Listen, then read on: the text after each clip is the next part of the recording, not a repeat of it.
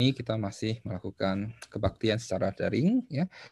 Nah, sebagian mengikuti mungkin dari Zoom ini, ada sebagian bisa disiarkan melalui Facebook ya. Kondisi uh, Waisak tahun ini kembali kita lewati dengan suasana pandemi ya. Banyak wihara belum melakukan aktivitas penuh ya, tapi tidak mengurangi kita untuk memasuki bulan Mei ini dengan penuh sukacita ya memperingati Waisak, menyambut uh, uh, kelahiran Buddha di dunia ini, sekaligus menyambut kelahiran Buddha di dalam diri kita. Ya. Di sini terlebih dahulu saya mengucapkan selamat Hari Waisak kepada kita semua. Nah, walaupun secara penanggalan, secara uh, Hari Waisak yang kita peringati di Indonesia baru nanti hari Rabu ya. Namun di banyak negara sebenarnya sudah menyambut hari Waisak ya mereka atau hari lahirnya Buddha, terutama di eh, negara-negara uh, di Asia Timur, ya, di uh, Tiongkok, Korea, Vietnam, ya, Taiwan, dan juga Jepang. Ya. Di dalam tradisi agama Buddha Asia Timur atau Chinese Buddhism ya, uh, tidak mengenal uh, Waisak sebenarnya, yang mereka karena tiga peristiwa dalam yang kita peringati di Waisak uh, di Buddhism Tiongkok diperingati di tiga hari yang berbeda. Ya. Uh, kemarin tanggal 8 bulan 4 Imlek diperingati sebagai Hari Buddha.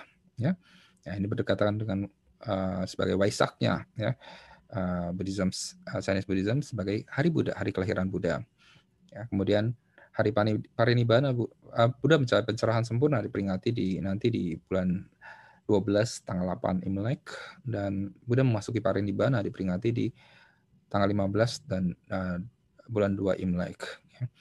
Uh, Hari Buddha ya di negara-negara Asia Timur diperingati dengan suatu upacara simbolik mencurahkan air ya air wangi, air dupa, air bunga, air kembang atau di beberapa negara adalah air herbal ke lupang bayi Siddhartha. Ya. Rasanya Wihara Puita Masuka juga pernah mengadakan ya. Nah, dan saya nggak tahu pandemi ini kemarin diadakan secara bagaimana ya. Nah, di beberapa wihara mungkin dilakukan dengan siaran secara langsung, bahkan di portal dari uh, Fukongsan mereka dan beberapa wihara yang lain ya mereka menyiapkan bagaimana kita bisa melakukan info ya mencurahkan uh, air wangi ke Pratima Buddha secara online ya dibikin animasinya ya dan dituntun bagaimana kita melakukan Ivo atau pencerahan air wangi ke Rupang bayi Buddha Bayar Siddhartha dengan secara daring. Ya, simbolisasi ini adalah simbolisasi uh, dari peringatan kelahiran Buddha di mana dikatakan tidak bayi, bayi Buddha atau bayi Siddhartha ketika lahir uh, Dewa Naga, Dewa Catur Maharajika yang mencurahkan tirta amerta untuk membersihkan tubuh beliau. Ya, kemudian beliau berjalan tujuh langkah ya, dan menyatakan akulah yang tertinggi di dunia ini, akulah yang akan inilah kelahiranku yang terakhir. Ya, tinsang, tianxia, hui tucun. Ya, kata-kata ini menjadi eh, pernyataan kebenaran ya dari kelahiran terakhir dari dari Bodhisattva Siddhartha. Dan simbolisasi ini sebenarnya memiliki makna yang jauh lebih mendalam. Ya, simbolisasi peringatan Waisak ya dengan mencurahkan air wangi di hadapan Rupang bayi Siddhartha ya adalah bagaimana kita juga harus ya membersihkan batin kita malah menghadirkan bayi Buddha di dalam diri kita. Ya. Oleh karena itu malam ini saya memberikan tema uh, menghadirkan Buddha di dalam diri kita. Ya. Nah, bagaimana dalam semangat Waisak ini, semangat lahirnya manusia Buddha Siddhartha Gautama ke muka bumi ini menggenapi tekad beliau setelah empat asenkya mahakalpa yang lalu di hadapan Buddha di Pankara, di mana beliau berlatih. Setelah itu beliau berlatih selama empat asenkya mahakalpa menggenapi paramita. Ya, dan tekad beliau hingga kelahiran terakhir sebagai Siddhartha, beliau menyempurnakan tekad ini, ya, merealisasi kebudayaan yang sempurna melihat hukum semesta bekerja sedemikian adanya, Kemudian dengan oleh belas kasih beliau kepada semua makhluk, beliau ajarkan ya.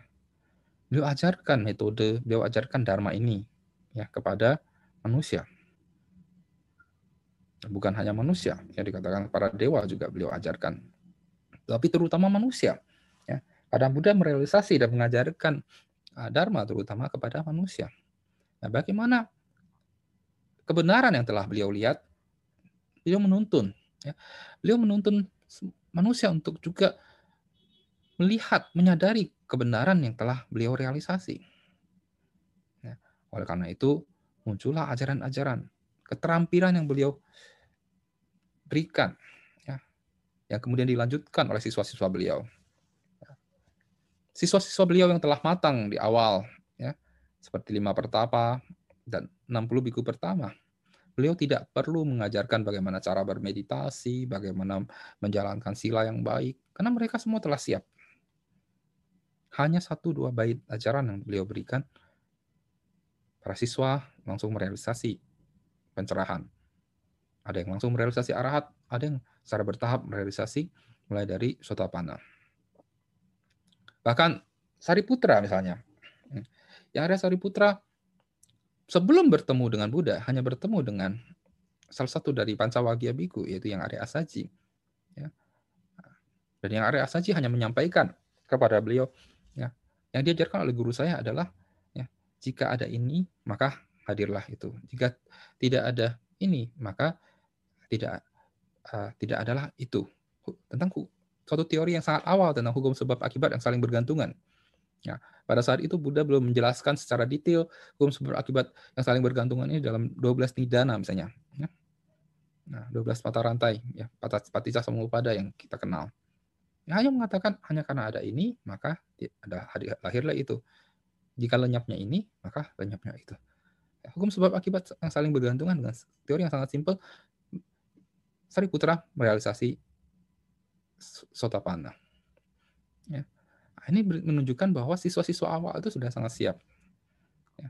Namun seiring dengan banyaknya siswa-siswa yang mulai ya, belajar dari Buddha, ya, nah, Buddha mulai mengajarkan. Ya, Buddha juga belajar dari dari murid-muridnya.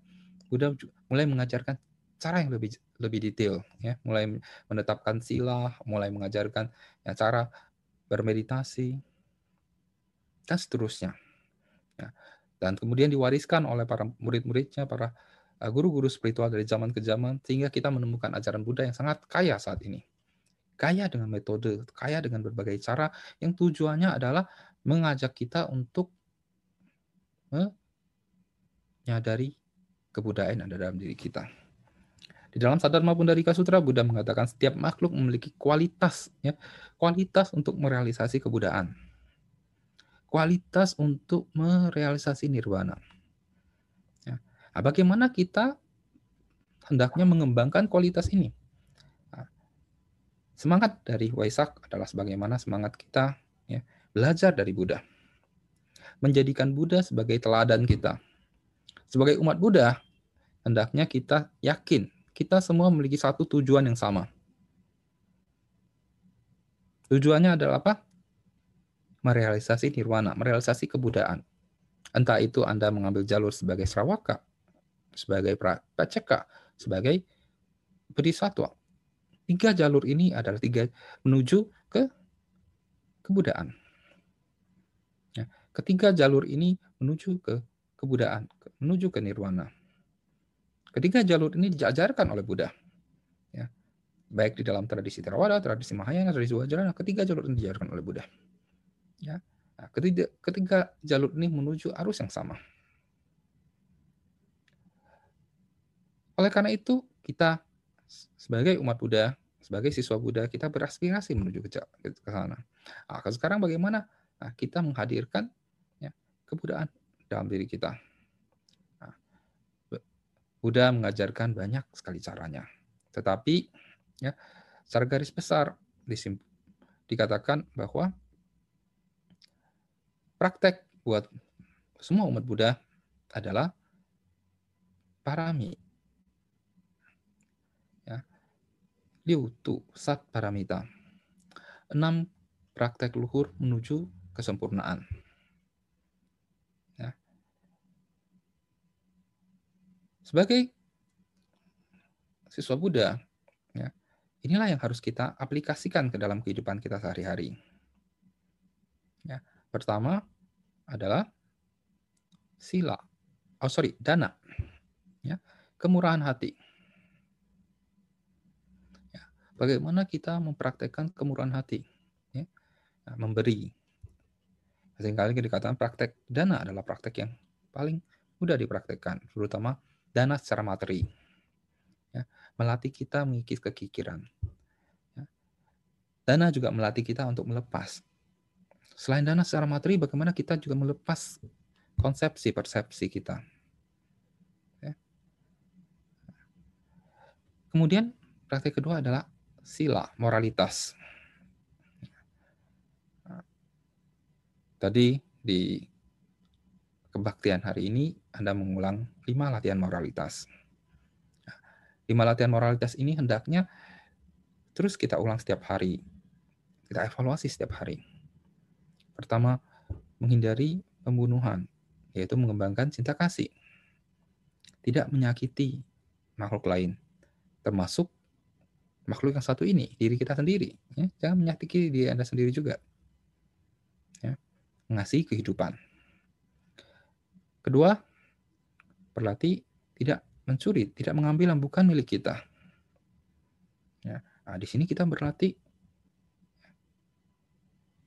bersyukur dengan apa yang kita miliki. Orang yang mencuri, ya, kebanyakan karena tidak bersyukur dengan yang mereka miliki. Ingin jalan pintas. Ya, banyak koruptor bukan bukan miskin, ya mereka suka cukup tetapi tidak puas dengan apa yang mereka miliki. Ya. Aspek yang lain adalah kemalasan, ya, karena tidak mau berusaha. Oleh karena itu, sebagai umat Buddha, kita harus memiliki mata pencarian yang baik. Mata pencarian yang layak, layak mata pencarian yang baik. Ya. Nah, kemudian lebih lanjut lagi, kita melatih kemurahan hati. Ya, itu berkaitan dengan parami yang pertama tadi. Ya. Ketiga adalah praktek bagaimana kita menjaga moralitas, ya, menjaga kesetiaan dengan pasangan, terutama buat rumah tangga. Ya, bagaimana Anda menjaga kesetiaan dengan pasangan Anda? Ya, tidak mengumbar energi seksual yang berlebihan. Ya. Nah, bagaimana menjaga kesetiaan dengan pasangan Anda? Nah, tentu ada Anda ya harus terus ya bagaimana mengikat pertalian kasih di antara anda dengan pasangan Anda supaya tetap tumbuh ya. Terus ada terus penyegaran ya, penyegaran kasih sayang ya. Nah, bagaimana kasih sayang ditanamkan dapat terus tumbuh segar ya, seperti pohon yang tumbuh besar, berbunga dan berbuah. Ya. Nah, tidak semakin lama semakin bosan ya dengan pasangan Anda. Ya. Bosan pengen cari yang baru. Nah, ini yang sering terjadi kan? Ya. Kenapa? Karena kita Anda tidak tahu ya bagaimana cara untuk menjegarkan suatu hubungan. Bagaimana menutrisi hubungan itu dengan bahasa kasih, ya, dengan perhatian. Nah, ini harus kita praktekkan.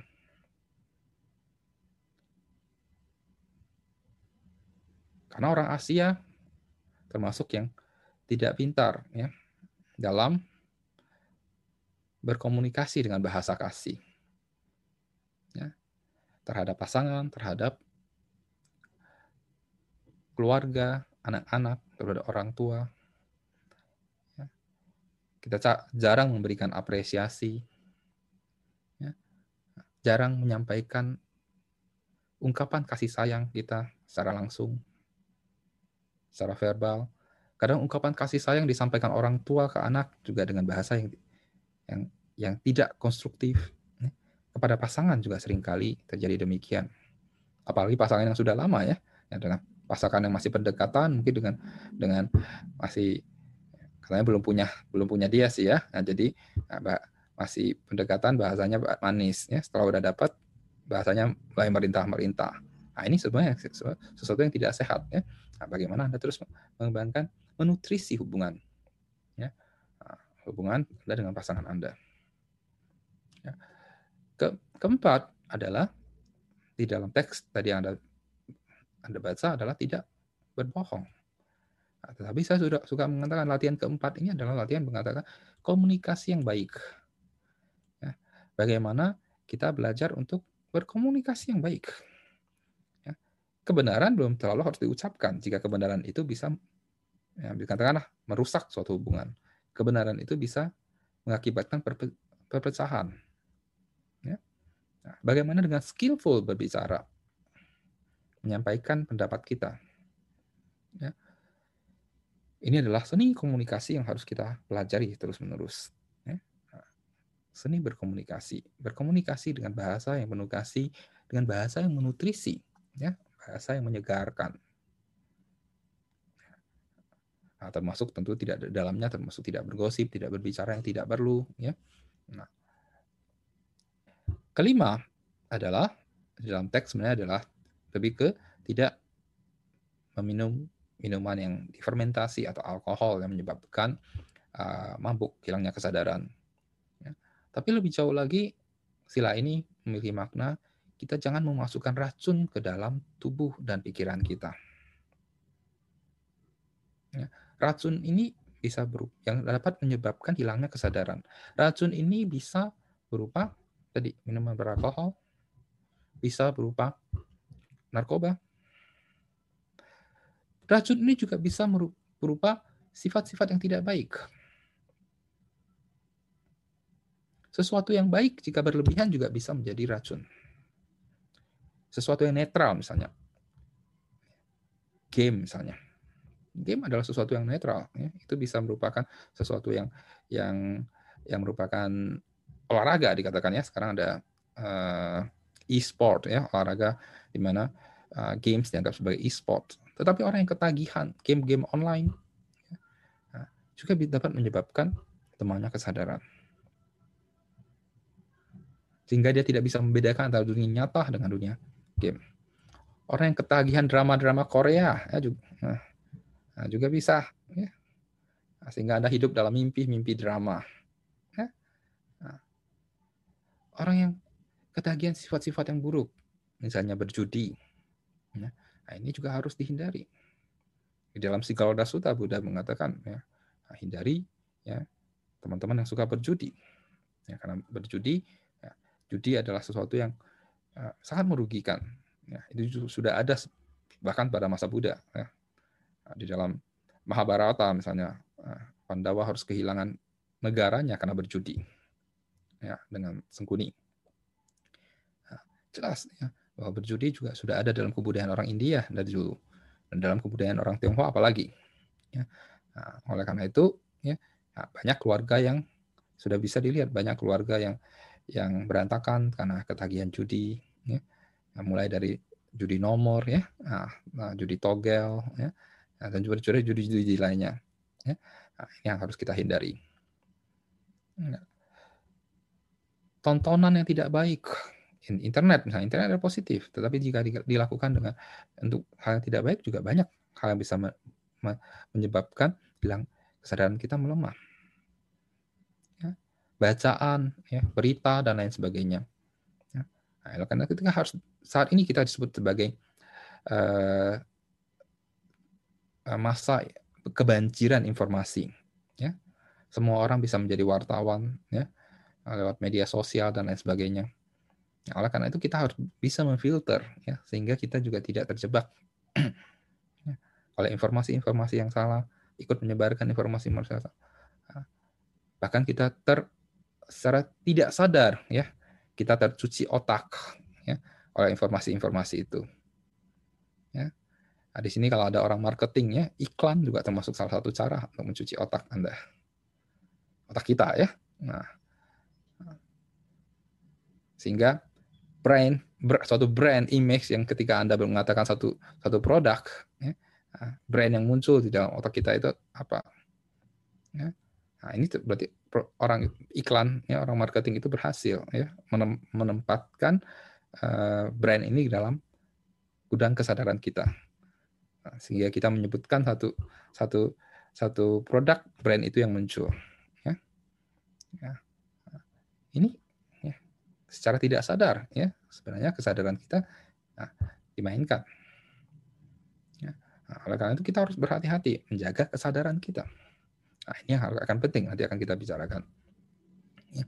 Nah, kelima sila inilah yang harus kita jaga. Sebenarnya kelima sila ini juga sudah mencakup ya, sudah mencakup seluruh paramita. Ya, karena semua paramita itu saling berkaitan, tidak berdiri sendiri. Ya. Kemudian paramita yang ketiga adalah kantik, ya, kesabaran.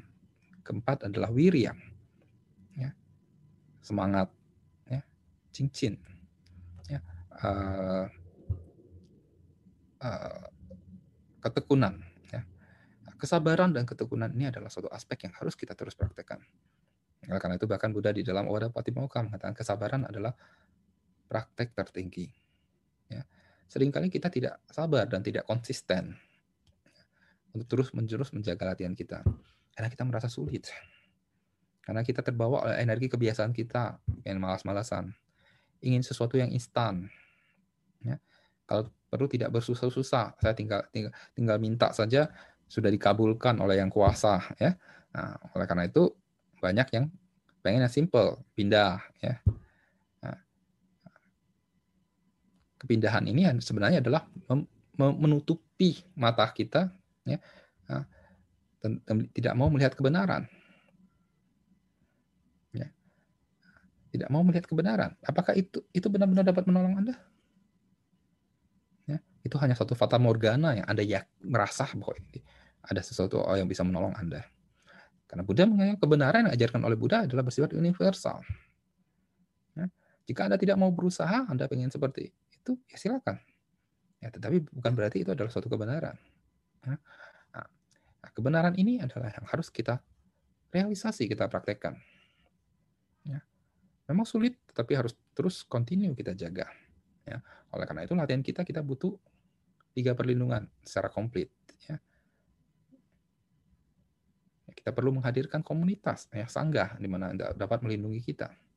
Ya, komunitas rumah tangga juga demikian. Ya, komunitas dalam komunitas sanggah ini ada komunitas perumah tangga juga ada komunitas monastik. Ya. Seringkali kita kalau bicara sangga kita hanya berbicara komunitas monastik. Kita lupa bahwa di dalam sangga yang dibentuk oleh Buddha juga termasuk terdapat komunitas upasaka upasika, komunitas awam. Ya, sehingga komunitas awam juga harus saling mendukung ya latihan. Nah, kemudian paramita yang keempat adalah paramita yang kelima adalah dhyana parami ya atau meditasi, konsentrasi. Dan keenam adalah prasnya atau kebijaksanaan. Ya.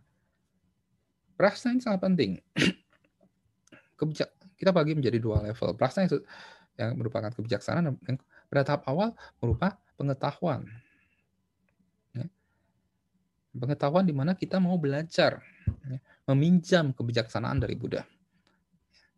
Mau belajar Dharma. Ya. Sehingga kita memiliki kebijaksanaan pinjaman yang kemudian kita latih ya, untuk menghasilkan kebijaksanaan prasnya yang hakiki lewat latihan, lewat praktek. Ya. Nah, keenam ini adalah suatu latihan yang merupakan suatu kesatuan. Nah, sehingga kita mampu menghadirkan kualitas-kualitas Buddha di dalam diri kita. Ya. Yang yang yang Arya Acarya Buddha Dasa ya, mengatakan bahwa kita jika kita sadar penuh pada saat itu kita menjadi Buddha paruh waktu part time Buddha kita bisa menjadi part-time Buddha. Ya. Nah, jika tubuh, ucapan, dan pikiran kita pada saat sadar penuh terkoneksi dengan kebenaran, pada saat itu kita dapat dikatakan sebagai seorang Buddha part-time. Detik itu Anda jadi Buddha. Kemudian detik berikutnya, ketika ada orang di samping Anda berisik, lalu Anda timbul rasa tidak suka, ya, detik berikutnya itu juga Anda jatuh ke alam asyura. Ya, Nah, karena kebencian muncul dalam diri Anda. Ini orang lagi kebaktian sembahyang di, di, di sebelah main HP, ya, malah sekikian. Nah, nah, tadi Anda sudah sangat sadu ya baca parita ya, tetapi orang di samping Anda ya nah, ngobrol ya. Kita terpengaruh karena kita sangat gampang terpengaruh kan. Hmm. Nah, pada saat begitu tadi yang cara Anda sedang yang budang, saranang, gacami, pada saat itu Anda tubuh, ucapan, dan pikiran Anda sedang membaca parita, Anda terkoneksi dengan Buddha. Nah, tapi detik berikutnya ketika mau demang, saran dan dengar suara orang ya berisik, nah, timbul rasa tidak suka. Ini udah dipihara, masih berat. Nah, udah, Anda nah, pada saat itu Anda langsung dari alam Buddha Anda jatuh ke Asura mungkin ya. Karena Anda timbul kemarahan. Nah, demikian nah, kita sering naik turun. Ya. Maka itu dalam Awatamsaka Sutra Mbak uh, uh, perguruan Tamsaka membagi alam jadi 10 alam. 10 alam ini 10 datu ini sebenarnya adalah dat, uh, buk, lebih ke pikiran. Aku mengelompokkan pikiran kita. Ya. Dari sama Sang Buddha hingga ke paling bawah niraya. Ya, 10 alam ini pikiran kita sering naik turun di antara itu. Ya. Nah, kita ber sering berada di alam surga, di alam manusia, atau sering kali berada di alam-alam menderita.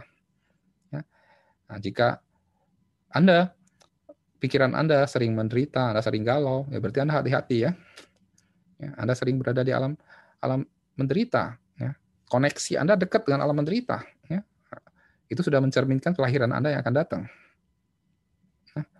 Nah, jika koneksi kita dengan alam-alam bahagia, ya, sering-sering batin kita berada di dalam kondisi ya, alam bahagia, ya, hidup selaras dengan dharma, hidup selaras dengan sila. Ya. Nah, yakin ya itulah. Kualitas yang anda akan dapatkan nanti. Ya, karena tentu buat sebagian sebagian uh, rumah tangga kan tekadnya mati masuk surga ya. Nah, hidup kaya raya mati masuk surga. Nah itu nggak salah. Nah, itu sesuatu yang nah, tapi harus kita harus berusaha ya. Nah, dan bagaimana kita terus menghadirkan Buddha dalam diri kita? Yakin mati pasti masuk surga tidak sulit untuk masuk surga dalam agama Buddha. Ya. Dan surganya banyak. Anda tinggal, tinggal pilih mau ke surga yang mana. Ya. Nah, di dalam semesta ini setidaknya ada kama sugati surga ada enam. Ya. Anda rajin meditasi masih ada 20-an surga eh, Brahma yang Anda bisa pilih. Nah, di luar semesta ini masih ada jutaan, triliunan surga yang lain yang bisa Anda pilih dalam konteks semesta Buddhis ya. Bukan cuma 31, tapi jutaan alam kehidupan yang lain yang bisa Anda pilih. Ya, tempat manusia, tempat makhluk dapat terlahir. Ya. Nah, jadi Anda jangan meninggalkan triliunan surga ini ke, ke surga yang satu yang dijanjikan. Buddha menjanjikan ada triliunan surga buat Anda. Ya. Anda baca sendiri ya di dalam berbagai kitab suci ditulis. Nah, jadi kita harus berusaha bagaimana menghadirkan kualitas-kualitas kebudayaan itu tadi. Ya, sehingga kita sering-sering terkoneksi dengan Buddha. Nah, Badar Nathan ya, mengatakan, one Buddha is not enough. Satu Buddha untuk dunia ini tidak cukup. Kita harus bisa menghadirkan lebih banyak Buddha lagi. Karena semua di antara Anda semua adalah calon Buddha. Kita semua adalah calon Buddha. Bagaimana kita harus membangkitkan kualitas kebudayaan di dalam diri kita sehingga kita sering-sering jadi Buddha. Ya, nah, sering-sering jadi Buddha, ya, hingga nanti kita lebih cepat ya merealisasi kebudayaan. Ya. Jangan nanti kucing di rumah Anda sudah jadi Buddha, Anda belum jadi Buddha. Ya. Kan kadang semua makhluk memiliki kualitas kebudayaan. Jadi kucing atau anjing yang Anda piara di rumah ini bisa jadi juga memiliki kualitas kebudayaan. Ya. Sering mendengarkan Anda ikut kebaktian online ya, sering mendengarkan parita yang Anda ucapkan, ya, dia sudah tertanam. Ya kehidupan berikutnya kalau dia berlatih dengan lebih cepat, Anda ketinggalan mungkin nanti ya. ya nanti dia jadi Buddha, Anda jadi kucing di sampingnya. Ya. Nah, jadi ini harus kita terus latih. Ya. Nah, jadi semangat dari Waisak bagaimana kita menghadirkan ya kualitas-kualitas kebudayaan di dalam diri kita, ya seperti gata yang kita uh, lafalkan ketika mencurahkan uh, air bunga ke lubang pangeran Siddhartha. Kata itu berbunyi Wo jing kan mu zhu ru lai, jing zi zhuang yan gong de hai, wu Zhuo zhong sen li chen gou, tong seng ru lai jing fa sen. Saya mencurahkan tirta suci ini di hadapan tubuh Tathagata mengakumulasi kumpulan kesucian, kebijaksanaan, keagungan, jasa, dan kebajikan. Semoga semua makhluk di masa kemerosotan ini dapat terbebas dari kekotoran batin, bersama-sama realisasi Dharma Kaya yang suci dari Tata Gata. Ya. Tadi saya katakan, ya, upacara Yifo atau mencurahkan tirta suci ya, ke Rupang Siddhartha ya, memiliki makna yang dalam dari gatanya ini kita melihat ya. Saat ini kami mencurahkan tirta suci di hadapan tubuh Tata Gata. Semoga kami dapat mengakumulasi kesucian, kebijaksanaan, dan jasa kebajikan. Ya. Dengan tekad ini, saya mencurahkan tirta suci di hadapan tata gata. Saya bertekad mengakumulasi kebajikan. Ya. Dengan cara apa? Dengan mempraktekkan saat paramita dalam kehidupan saya. Dengan membangkitkan bodhicitta di dalam diri saya, kemudian mengisinya dengan saat paramita. Nah, kemudian kita timbulkan rasa empati, belas kasih kepada semua makhluk. Ya, semoga semua makhluk ya, yang di masa kemerosotan ini juga dapat bersama-sama merealisasi Dharma Kaya, merealisasi kebudayaan. Ya. Nah, itulah yang kita bangkitkan di dalam diri kita. Semangat Waisak ini ya kita menghadirkan selain ritual-ritual, selain kegiatan-kegiatan yang positif, ya, di banyak wihara bahkan mengadakan kegiatan uh, berbagai kegiatan dharma seperti ceramah, meditasi ya sepanjang bulan Mei atau bahkan mulai dari April Ya, saya itu juga ada banyak kegiatan-kegiatan yang yang merupakan kegiatan skillful seperti lomba dan berbagai kegiatan lain ya untuk menarik lebih banyak anak muda untuk aware dengan dengan Hari Buddha ini. Ya. Tapi tujuannya adalah semuanya adalah bagaimana selain perayaan, tapi kita juga mengingat ya, mengingat bahwa Buddha hadir di dunia ini untuk belas kasih kepada semua makhluk. Beliau karena belas kasih kepada semua makhluk, beliau mengajarkan dharma kepada kita. Mengajarkan cara-cara kita untuk merealisasi dharma yang telah beliau realisasi. Ya. Oleh karena itu, kita harus senantiasa ingat dengan Buddha, ingat dengan belas kasih dari Buddha. Membalas belas kasih dari Buddha adalah dengan menghadirkan Buddha di dalam diri kita. Ketika Buddha hadir dalam diri kita, kita terlindungi. Ya. Parita tri sarana yang kita ucapkan tadi di awal, Budang Saranang Gacami, Damang Saranang Gacami, Sanggang Saranang Gacami, ya, bukan Buddha yang ada di luar sana, yang di mana kita pergi berlindung. Tetapi adalah bagaimana kita membawa Buddha yang ada di, di luar sana ke dalam diri kita. Sehingga Buddha, Dharma, dan Sangha hadir dalam diri kita, sehingga kita dapat terlindungi, benar-benar terlindungi oleh Buddha, Dharma, dan Sangha. Sehingga suatu hari nanti kita juga dapat menjadi Buddha yang seutuhnya, ya, bukan Buddha part-time lagi. Baik, ini saja yang ingin saya sampaikan di malam hari ini. Terima kasih ya, sudah bersama-sama hadir dalam kebaktian pada malam minggu ini. Jika ada sesi tanya jawab, dipersilakan. Jika tidak ada, eh, kita sampai di sini. Terima kasih. Saya kembalikan ke Pak Rudi. Terima kasih banyak, uh, Suhu. Uh, demikian dan berdasarkan yang disampaikan oleh Suhu Nyana Gupta. Kemudian dilanjutkan dengan tanya jawab kepada Bapak Ibu yang ingin bertanya secara lisan, nanti kami persilahkan terlebih dahulu. Eh, silahkan pertanyaan disampaikan untuk yang bertanya secara lisan eh, menggunakan fitur raise hand. Eh, pertanyaan tertulis bisa disampaikan kepada eh, co-host Wihara Pelita Masuka atau operator Wihara Pelita Masuka. Bagi yang ingin bertanya, kami tunggu Silakan Bapak Ibu, Saudara-saudari Dharma. Oke, untuk Vincent silahkan.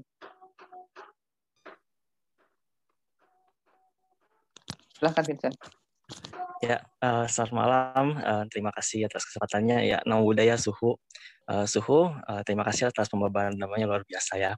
Jadi uh, saya ada itu ya Su tadi kan mengenai uh, terutama yang sila kelima ya. Jadi setelah suhu jabarkan gitu saya juga jadi ngeh gitu kan. Jadi ibaratnya tuh enggak uh, melanggar sila kelima tuh sebatas kita nggak mengkonsumsi ya, maksudnya makanan minuman yang memabukkan gitu kan ataupun misalnya ya obat-obat obat-obatan narkoba begitu kan. Tapi juga seperti ya anggaplah misalkan game atau enggak misalnya ya uh, tontonan gitu kan yang ibaratnya sampai membuat orang jadi kecanduan gitu kan. Ini kalau misalnya ibaratnya kalau misalnya dijabarkan secara general kan itu sepertinya ya sarana hiburan lah gitu kan. Nah, jadi kalau misalnya yang saya alamin juga gitu yang suhu ya, ibaratnya sebagai umat awam gitu kan, ya ibaratnya uh, hal, -hal seperti hiburan gitu kan ya emang uh, ke saya menarik gitu dan selalu ibaratnya diikutin gitu kan. Dan saya ibaratnya ya jadi nggak juga oh kalau misalnya seandainya diikutin kan nggak bener juga gitu kan. Nah jadi uh, saya pikir nah suhu kira-kira bisa kasih tips nggak gitu? Jadi ibaratnya uh, seperti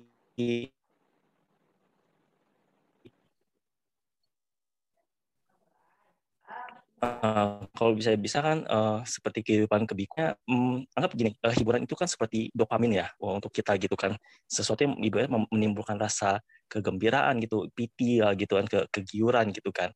Nah jadi uh, Su bisa sharing nggak kira-kira uh, dalam misalnya dalam kehidupan kebikuan gitu kan, sesuatu yang uh, kegiatan apa yang bisa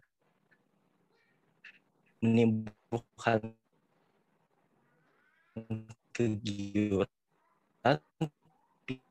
gitu kan. Tetapi dalam hal positif gitu mau positif kan apa sih yang suhu lakukan gitu kan uh, benar-benar uh, ya rahasianya gitu kan. Dalam kebikuan dari umat awam misalnya yang baru pertama kali masuk ke dunia kebikuan yang kayak uh, misalnya suhu alamin tuh apa yang sampai membuat suhu misalnya dari kehidupan duniawi gitu kan akhirnya bisa benar-benar terlepas dan juga menim, menemukan sesuatu yang menimbulkan kegiuran baru suhu.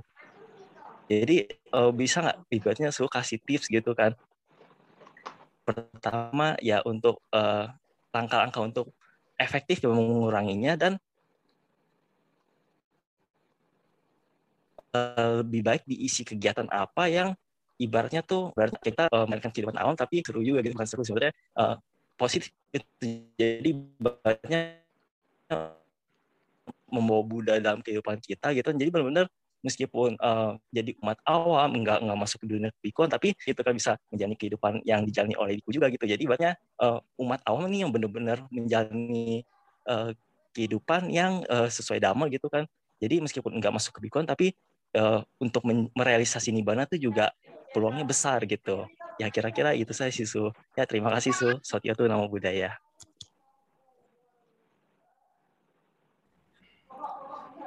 Uh, terima kasih Vincent. Ya. Tapi pertama sekali yang saya ingin luruskan adalah jangan membagi bahwa dikotomi bahwa sebagai umat bawam sulit praktek dharma, praktek dharma hanya untuk biku. Ya. Nah, ini adalah sesuatu hal yang yang yang harus kita uh, pandangan yang harus kita kita perbaiki dulu. Ya. Nah, karena masing-masing memiliki proporsi praktek yang berbeda. Praktek untuk monastik, untuk biku, tidak jangan Anda bawa ke dalam kehidupan rumah tangga. Ya. Nah, nanti rumah sebagai perumah tangga bukan, biku bukan, jadi aneh ya. Nah, banyak umat Buddha yang kayak gitu. Ya. Tidak mau jadi biku, tapi pengen praktek seperti biku. Ya. Nah, ini praktek yang aneh. Ya. Nah, bukan seperti itu. Kalau Anda ingin praktek seperti monastik, ya jadi monastik, jadi biku. Kalau Anda tidak bisa menjadi monastik, Anda praktek sebagai perumah tangga yang baik. Ya. Nah, perumah tangga juga memiliki praktek-praktek yang baik. Perumah tangga juga banyak yang merupa memiliki kualitas-kualitas yang baik. Ya. Di masa Buddha seperti ada Anatta Bindika, Wisaka, dan lain-lain. Ya, mereka juga orang-orang suci. Ya. Juga termasuk Arya Sangga. Karena mereka telah merealisasi kesucian. Ya. Nah, ketika masuk kepada masa Mahayana, dia adalah Vimala Kirti, ada banyak ya. Para upasaka upasika yang yang merupakan guru-guru besar ya. Nah, nah, mereka juga mempraktekkan dharma ya. Seperti di Tiongkok ada ada beberapa upasaka ya yang cukup baik cukup besar ya. Nah, di, di Tibet lebih lagi ya. Nah, lebih banyak ya para guru-guru yang merupakan upasaka upasika ya. Nah, jadi sebagai perumah tangga juga memiliki proporsi yang dapat mempraktekkan dharma. Ya. Nah, jangan kita memiliki alasan bahwa oh kalau kita punya kesibukan, kegiatan yang lain, ya, itu semua merupakan alasan, ya. ya. Itu semua alasan yang kita ciptakan maka bahwa ini adalah kita membuat kita tidak bisa praktik dharma. Tidak, ya. Bisa. Ya. Seorang bisnismen juga bisa praktik dharma yang baik dalam bisnisnya. Ya. Seorang seorang yang bergelut di bidang seni juga bisa praktek dharma yang baik. bahkan seorang yang hobi main games ya nah, juga bisa praktek dharma ya. Anda menjadi uh, e, pemain e-sport yang baik ya bagaimana menghadirkan kualitas sadar penuh ketika Anda praktek ya, mempraktekkan itu ya nah, dulu bahkan ada uh, beberapa komunitas Buddhis ingin menghadirkan bagaimana menciptakan game online ya untuk uh, yang bersifat Buddhistik ya. Nah, merangkul ya beberapa komunitas games ya pemain games ya. ya. Nah, di Tiongkok ada beberapa komunitas Buddhis yang misalnya mulai merintis ke arah sana ya.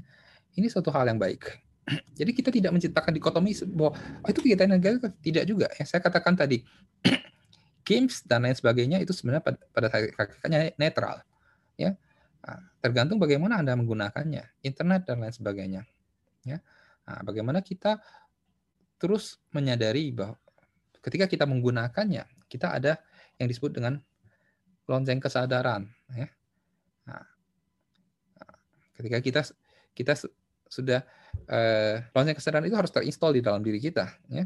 Nah, ketika kita sudah melampaui batas ini, kita harus sudah sadar, harus bisa tarik kembali. Pada tahap awal mungkin belum terinstall sepenuhnya dalam diri kita, kita bisa menggunakan simbol-simbol. Ya Misalnya Anda hobi main games, ya Anda takut kebablasan, ya. Nah, Anda bisa ah, ada satu aplikasi yang disebut dengan mindfulness bell, ya bisa Anda install di laptop atau HP Anda. Yang ada setting bisa berbunyi, dia akan menghadirkan bunyi gentah setiap yang Anda bisa setting setengah jam atau 15 menit atau satu jam. Ya. Nah, gentah itu berbunyi, perlu ada stop ya. Anda harus stop. Ya. Nah, tapi kadang-kadang kita sudah bablas saja ya. Oh, sebentar lagi nanti bablas ya. Nah, nah, nggak apa-apa ya sudah sadar nanti supaya kita tarik kembali ya. nanti gentang kedua bunyi ya kita atau anda bisa menaruhkan simbol misalnya ada ada uh, Buddha Rupang ya atau Rupang Bodhisatwa di meja kerja anda tidak yang dapat anda lihat ya. Nah, sehingga ketika melihat itu anda sadar ya, membawa diri anda untuk menghadirkan kualitas-kualitas kebudayaan dalam diri kita ya. nah, banyak cara ya orang memakai gelang tasbih misalnya atau liontin Buddha itu juga salah satu cara ya. Nah, itu adalah sebagai pengingat ya bukan keren-kerenan ya. Ada satu waktu orang banyak semua orang pakai tasbih ya. Nah, nah tasbih itu sebenarnya adalah simbol mawa adalah simbol dari uh, latihan sadar penuh ya. Di mana fungsi dari malah fungsi dari tasbih adalah uh, membantu kita konsentrasi. Ya. Nah, ketika kita memakai itu, kita bisa diingatkan ya, untuk sadar penuh. Ya. Nah, jadi banyak cara yang bisa kita lakukan. Salah satunya ya, yang paling saya rasa paling ampuh ya adalah sering kali mengingat Dharma, ya, mengingat Buddha, mengingat Dharma, mengingat Sangga. Ya. Nah, kita bisa menghadirkan simbol-simbol itu sebagai lonceng kesadaran. Ya. Nah, istilah lonceng kesadaran ini dari Venerable Lathan. Ya. Anda bisa merupakan suara lonceng secara nyata yang Anda bisa setting di HP atau handphone atau laptop Anda. Ya. Nah, sehingga pada saat lonceng itu berbunyi, kita stop, kita kembali ke nafas kita, kembali ke diri kita, Nah, sehingga kita tidak berbalasan, misalnya kalau anda dalam konteks anda ya, uh, games dan lain sebagainya.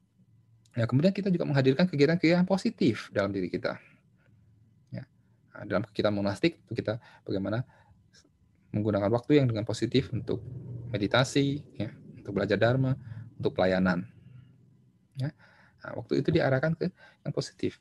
Ya. Dalam kehidupan rumah tangga juga demikian. Anda punya pekerjaan, ya punya Anda harus bisa membagi kualitas waktu Anda yang berkualitas dengan pekerjaan Anda, dengan keluarga Anda, ya, yang sudah berkeluarga, ya, yang sudah punya pacar, ya, waktu dengan pacar Anda. Ya. Nah, yang belum punya, yang masih jomblo juga jangan khawatir ya. Ya. Anda bisa menggunakan waktu yang berkualitas Anda untuk hal-hal yang positif lain, belajar, nah, meningkatkan uh, uh, kualitas diri Anda, belajar dharma juga yang Anda juga menyiapkan waktu untuk belajar dharma. Dan menyisihkan waktu Anda juga sehari untuk mau mau berlatih. Ya. Nah, minimal saya suka kata bagaimana sebelum minimal Anda nggak punya waktu sama sekali Anda sibuk sama sekali minimal sebelum tidur misalnya. Ya. Sebelum tidur Anda nggak punya waktu untuk meditasi. Minimal Anda sebelum tidur Anda Anda membacakan tisarana bisa dong ya. Nggak ada nggak ada waktu waktu juga untuk itu. Kebangetan ya. Nah, sebenarnya berurusan waktu bukan nggak ada waktu ya. Kadang kita uh, terlalu banyak ber, bermalas-malasan. Ya. Nah, bahkan di tengah waktu yang sangat hektik di kantor pun, misalnya Anda bisa duduk dengan rileks. 5 menit aja Anda Anda mengamati tubuh Anda rileks, mengamati nafas Anda, sebenarnya Anda sudah bermeditasi pada saat itu. Ya. Nah, untuk menyegarkan kembali tubuh dan pikiran Anda. Nah, sebelum tidur, Anda rileks sebentar. Jika Anda bisa baca parita, ya, nah, bisa meditasi tentu bagus. Jika tidak bisa, Anda mengulang tisarana, ya, mengulang Pancasila. Kemudian mem memeriksa hari ini, apakah Anda sudah uh, uh, ketidakterampilan apa. Pertama Anda memeriksa dulu kebajikan-kebajikan yang Anda lakukan hari ini. Sehingga muncul rasa mudita, empati dengan diri Anda besok saya bisa berbuat lebih baik lagi. Ya. Kemudian Anda memeriksa hal-hal negatif yang pernah yang Anda lakukan hari ini. Hal-hal yang tidak terampil yang Anda lakukan hari ini. Ya. Nah, kemudian timbul rasa penyesalan sanhui. Ya. Nah, semoga besok saya dapat memperbaiki diri saya menjadi lebih baik. Tidak tidak melakukan hal-hal tidak terampil tersebut lagi. Ya. Nah, baru Anda masuk ke tidur. Ya kan? Nah, besok bangun pagi, kalau bisa punya waktu meditasi bagus. Kalau tidak punya waktu untuk meditasi dan baca parita, minimal pada saat bangun pagi Anda tersenyum, ya. Nah, nah, dan bangkitkan dalam diri Anda bersyukur bahwa saya diberikan 24 jam baru untuk dihidupi dengan penuh makna. Ya. Nah, artinya simpel sekali kan? Nah, terus bagaimana dalam kehidupan kita sehari-hari? Sebenarnya kita juga sering ya.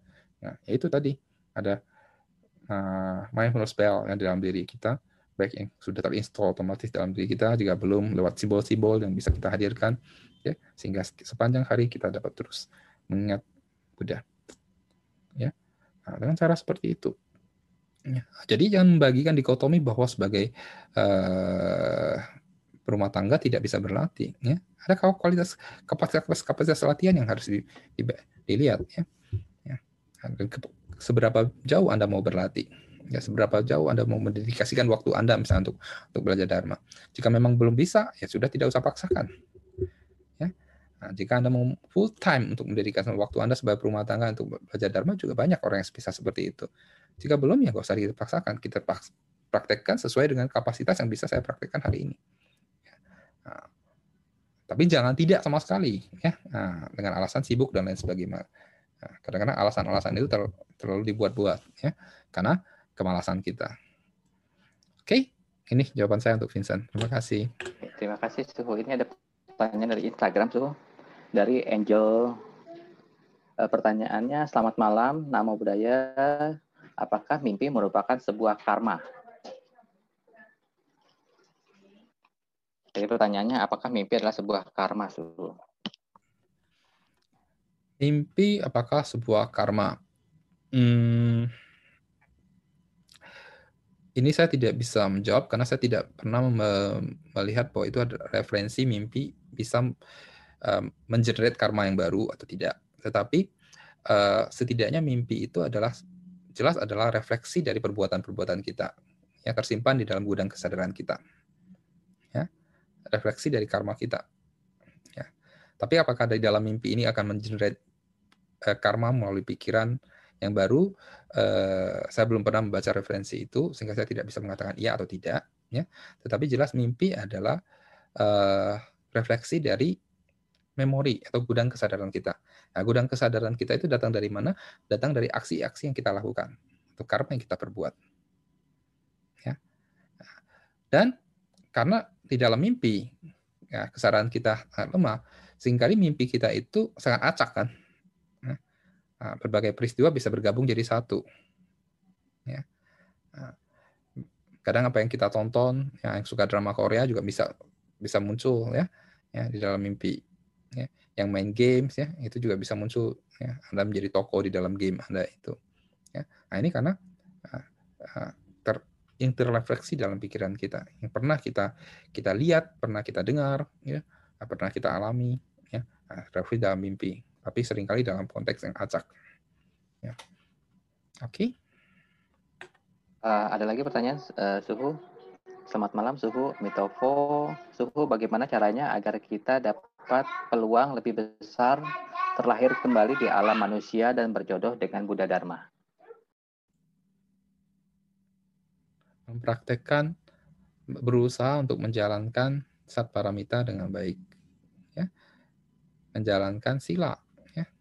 Anda tidak tidak tidak membunuh, ya minimal tidak membunuh manusia, ya nah, tidak merugikan orang lain, ya nah, tidak Anda bisa tidak mengumbar energi seksual Anda, Anda tidak pernah melakukan pembohongan yang besar, ya mengaku-ngaku Anda orang suci misalnya, ya anda juga menjaga tubuh, ucapan, dan pikiran Anda selalu dalam kondisi yang positif.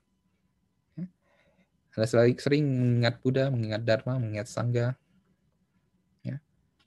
Nah, itu dijamin. Ya. Anda pasti akan terlahir di alam-alam yang baik. Ya. Nah, sekarang kualitas perbuatan kita seberapa banyak, seberapa baik, sehingga kualitas kelahiran berikutnya juga ditentukan oleh kualitas perbuatan kita ini. Ya.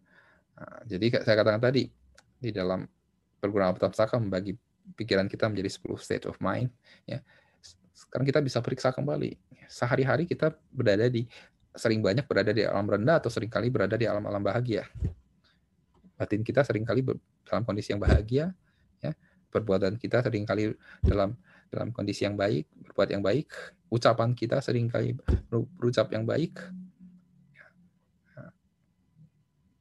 yang ini yang lebih banyak pasti anda akan terlahir dalam kondisi yang lebih baik bagaimana menjaga energi kebiasaan kita menjadi kebiasaan-kebiasaan yang positif. Kebiasaan-kebiasaan baik. Sehingga momen sebelum Anda meninggal, kebiasaan ini yang akan dominan. Ya. Nah, di dalam pelajaran hukum karma dikatakan ya, karma terakhir sebelum kita meninggal itu akan menentukan ya, kelahiran berikutnya. Dan karma terakhir ini ditentukan oleh apa? tentu ditentukan oleh kebiasaan-kebiasaan kita ini. Ya, kebiasaan-kebiasaan kita sehari-hari. Ya. Nah, oleh karena itu, jangan ya menunggu sudah mau meninggal baru mau, mau nyari bante baca parita ya mau udah udah sepuh baru mau belajar dharma ya. Nah, mulai dari sekarang kita mengakumulasi kebajikan ini ya. Nah, sering-sering berada dalam kondisi yang baik ya. Sering-sering menjadi budak part time ya. Nah, sehingga kondisi inilah yang akan muncul detik-detik terakhir sebelum kita meninggal. Oke? okay? Oke, Bapak Ibu, apakah ada yang ingin bertanya lagi, baik secara lisan maupun tertulis? Kami tunggu. Karena pertanyaan yang sudah masuk sudah dijawab semua oleh suhu yang jawabannya luar biasa, suhu.